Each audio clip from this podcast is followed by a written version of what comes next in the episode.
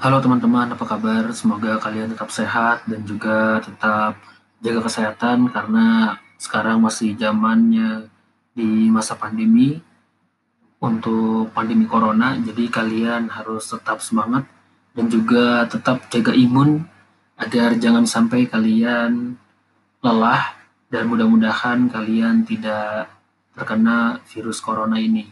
Oke, kembali lagi bersama Koder Santuy di podcast yang sangat santuy sebenarnya. Podcast yang bisa dibilang membahas tentang masalah IT atau tentang masalah teknologi secara santuy, secara amat sangat santuy. Jadi ya kita kayak biasa aja sih. Nah, untuk pembahasan podcast kali ini kita akan membahas tentang nasib seorang pekerja pada masa pandemi corona seperti ini. Nah, secara kita, misalkan nih, kita sebagai seorang yang bekerja di bidang IT, yang notabene kita adalah seorang programmer, database administrator, network engineer, project manager, atau sistem analis, dan juga lain-lainnya, gua rasa kita sekarang masih bisa bersantai-santai ria. Kenapa bisa gue bilang bersantai-santai ria? Karena yang namanya kerja WFH ini memang udah kita banget. Pokoknya kita udah dari dulu juga yang penting ada koneksi internet, yang penting ada laptop, kita udah bisa bekerja remote. Nah, dengan adanya WFH ini, kita udah terbiasa tuh kan bekerja secara remote, menggunakan internet, kita sama-sama online. Apalagi sekarang dipermudah dengan aplikasi Zoom tuh yang lagi tren untuk meeting, itu lebih enak banget sih. Nah, bagaimanakah nasibnya kalau misalkan pekerja yang notabene mungkin bukan pekerja IT yang memang mengharuskan harus di kantor untuk datang. Ya bisa dibilang itu memang sudah tidak bisa dipilih lagi ya berarti ya memang harus ke kantor kan karena itu kewajiban dan jangan disamakan dengan IT dan di situlah kita harus bersyukur sebenarnya. Tapi memang ada juga yang praktisi di bidang IT yang harus mengharuskan harus ke kantor yang mana mungkin ada urgensi atau ada hal-hal lainnya ya itu memang gak bakal bisa dihindari dan ya namanya urgensi kan ya pasti harus datang juga harus harus ke kantor gitu loh. Terus juga bagaimana kan nasib perusahaan IT sekarang? Secara pribadi gua merasakan ya. Walaupun gue bekerja secara WFA yang mana notabene gue bisa bekerja dengan tenang dan tidak perlu merasa terganggu dengan harus ke kantor bisa komunikasi atau koordinasi via online. Tapi di satu sisi dengan adanya pandemi corona seperti ini ya gue ngerasain sih yang namanya perusahaan itu kalang kabut. Bener-bener kalang kabut sih. Kenapa perusahaan itu lagi, amat sangat kalang kabut karena memang bisnis yang dari sektor A, B, C, D itu berhenti total. Ya walaupun mungkin ada yang berjalan tapi nggak sepenuhnya berjalan gitu kan dan nggak secara total berjalan yang mana seperti biasa tanpa ada pandemi seperti ini pasti kan akan ada pengurangan, pembatasan dan juga lain-lainnya. Nah itulah yang membuat perusahaan yang tempat gue bekerja sekarang itu agak sedikit guncang nih. Tapi ya tetap berusaha tetap juga fighting agar bisa bertahan dan juga bisa keluar dari situasi seperti ini. Nah mungkin bagi kalian yang sekarang sudah merasa tenang sudah enak dan kalian bisa bekerja WFA entah itu kalian adalah seorang praktisi IT atau mungkin kalian bukan praktisi IT yang bisa bekerja secara WFH ya mungkin kayak temen gua yang bekerja di bidang akuntansi sekarang kan bisa pakai Excel terus dikirim reportnya secara online via Gmail atau kalau komunikasi pun bisa via Zoom sama bareng juga. Terus juga yang kuliah belajarnya via online ya sekarang semua pada serba online karena memang kita harus menjaga jaraknya juga gitu kan jangan sampai kita berdekatan Maka itulah yang disebut dengan social distancing itu. Nah, berangkat dari pembahasan bagaimana kondisinya, kita harus banyak banyak banyak bersyukur lah. Kenapa gue bilang kita harus banyak banyak bersyukur?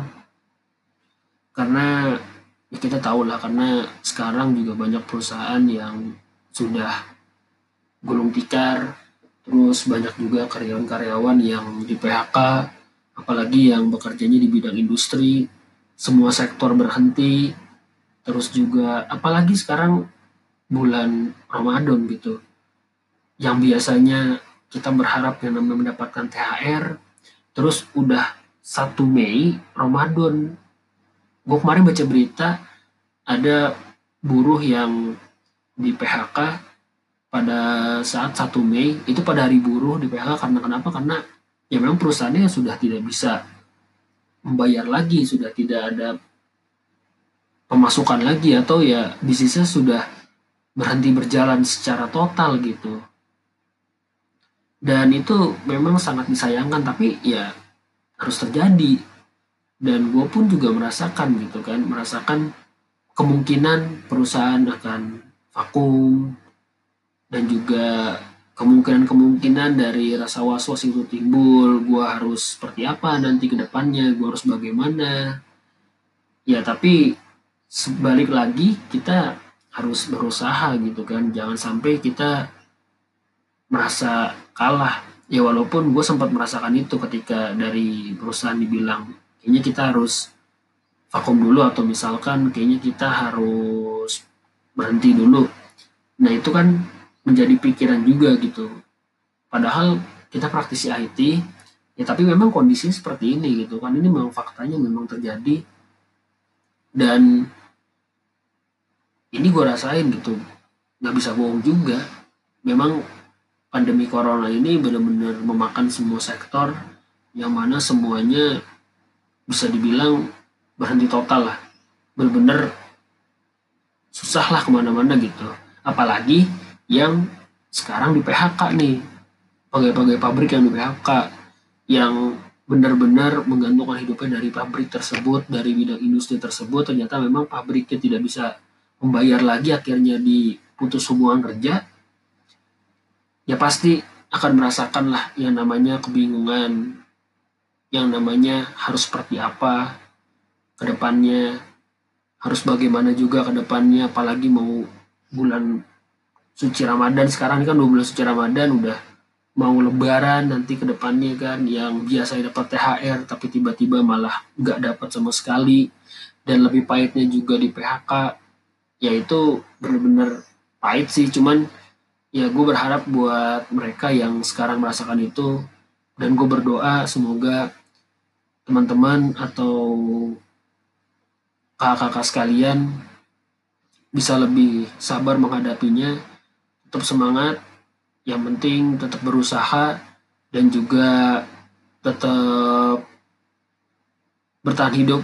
Jangan sampai kalian merasa putus asa ya walaupun gimana ya gue nggak bisa merasakan apa yang mereka rasakan tapi gue hanya bisa memberikan semangat mudah-mudahan dari semangat yang gue kasih ke mereka dan mungkin gue nggak tahu ya ini gue bikin podcast seperti ini mungkin didengar apa enggak juga nggak tahu gitu. Karena memang gue masih baru banget bikin podcast dan ya udah gue bikin aja gitu kan. Dan ini salah satu metode gue untuk bertahan hidup sebetulnya. Dari gue membuat sebuah podcast dan gue membuat sebuah karya mudah-mudahan ke depannya ya entah mungkin di minggu keberapa atau misalkan di bulan keberapa akan ada apresiasi dari orang atau dari pihak mana pun yang mendengar podcast gue yang mudah-mudahan juga mereka ngerasa oh terima kasih gitu. Mereka ngerasa oh ada support dari gue ya gue nggak tahu gitu kan mau itu di dengerin atau enggak.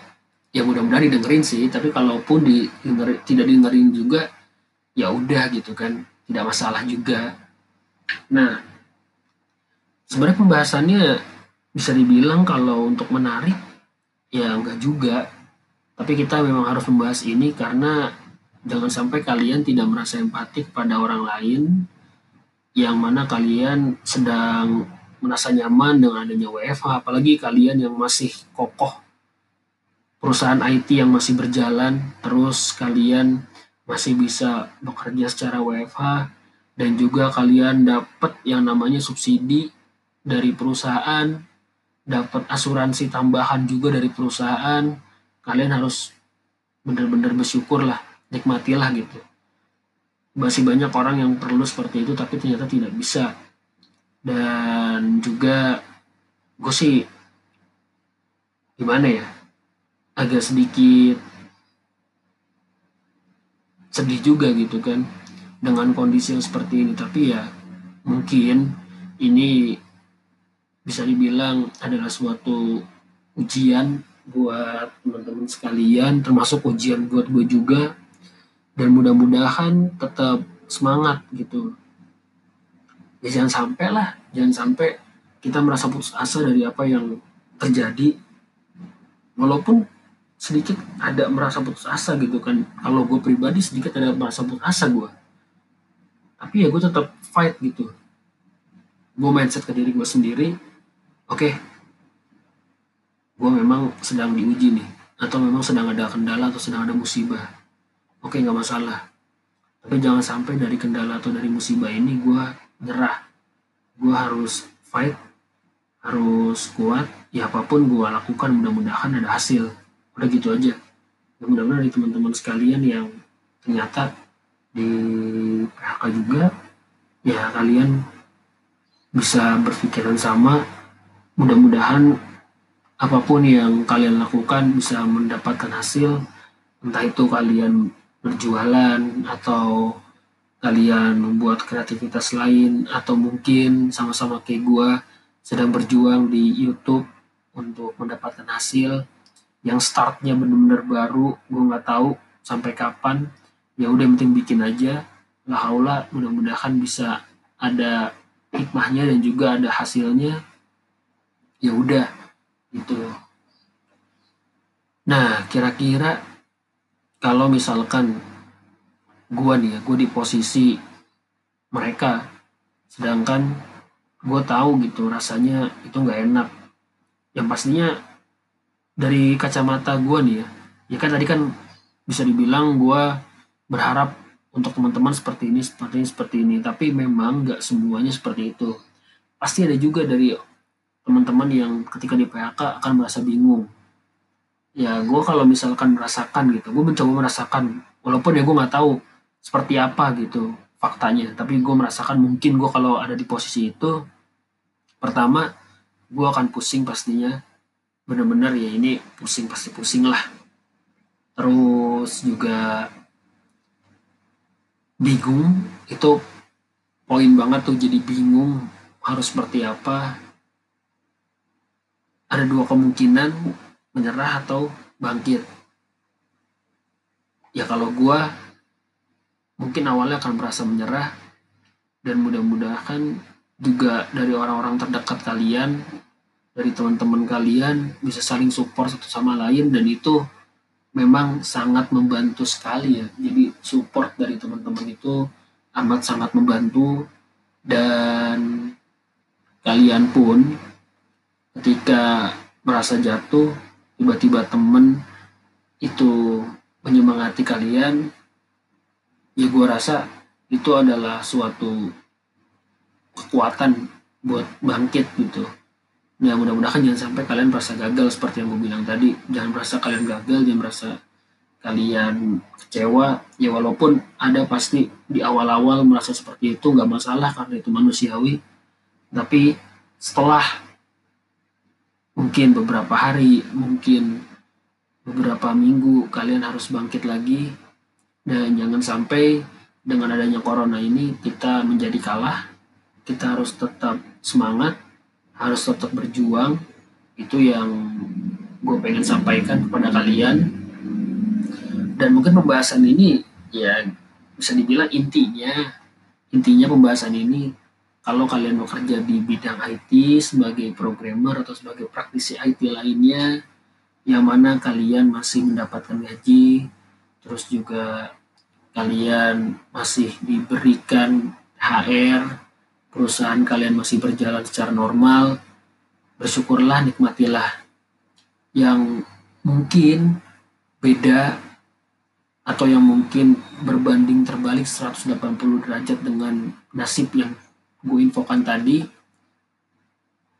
kita tetap semangat karena gue merasakan di posisi kalian ya walaupun bukan di PHK tapi sedikit vakum tapi gue merasakan di posisi kalian. Oke semoga kalian tetap bisa semangat tetap bisa bangkit. Mungkin itu podcast dari gue untuk podcast yang amat sangat santuy dan mudah-mudahan kalian bisa mengambil hikmahnya dan juga kalian bisa mengambil pelajarannya ataupun dengan mendengar podcast atau mendengar suara gua kalian bisa terhibur. Oke, okay? see you, sampai bertemu lagi dan sampai jumpa.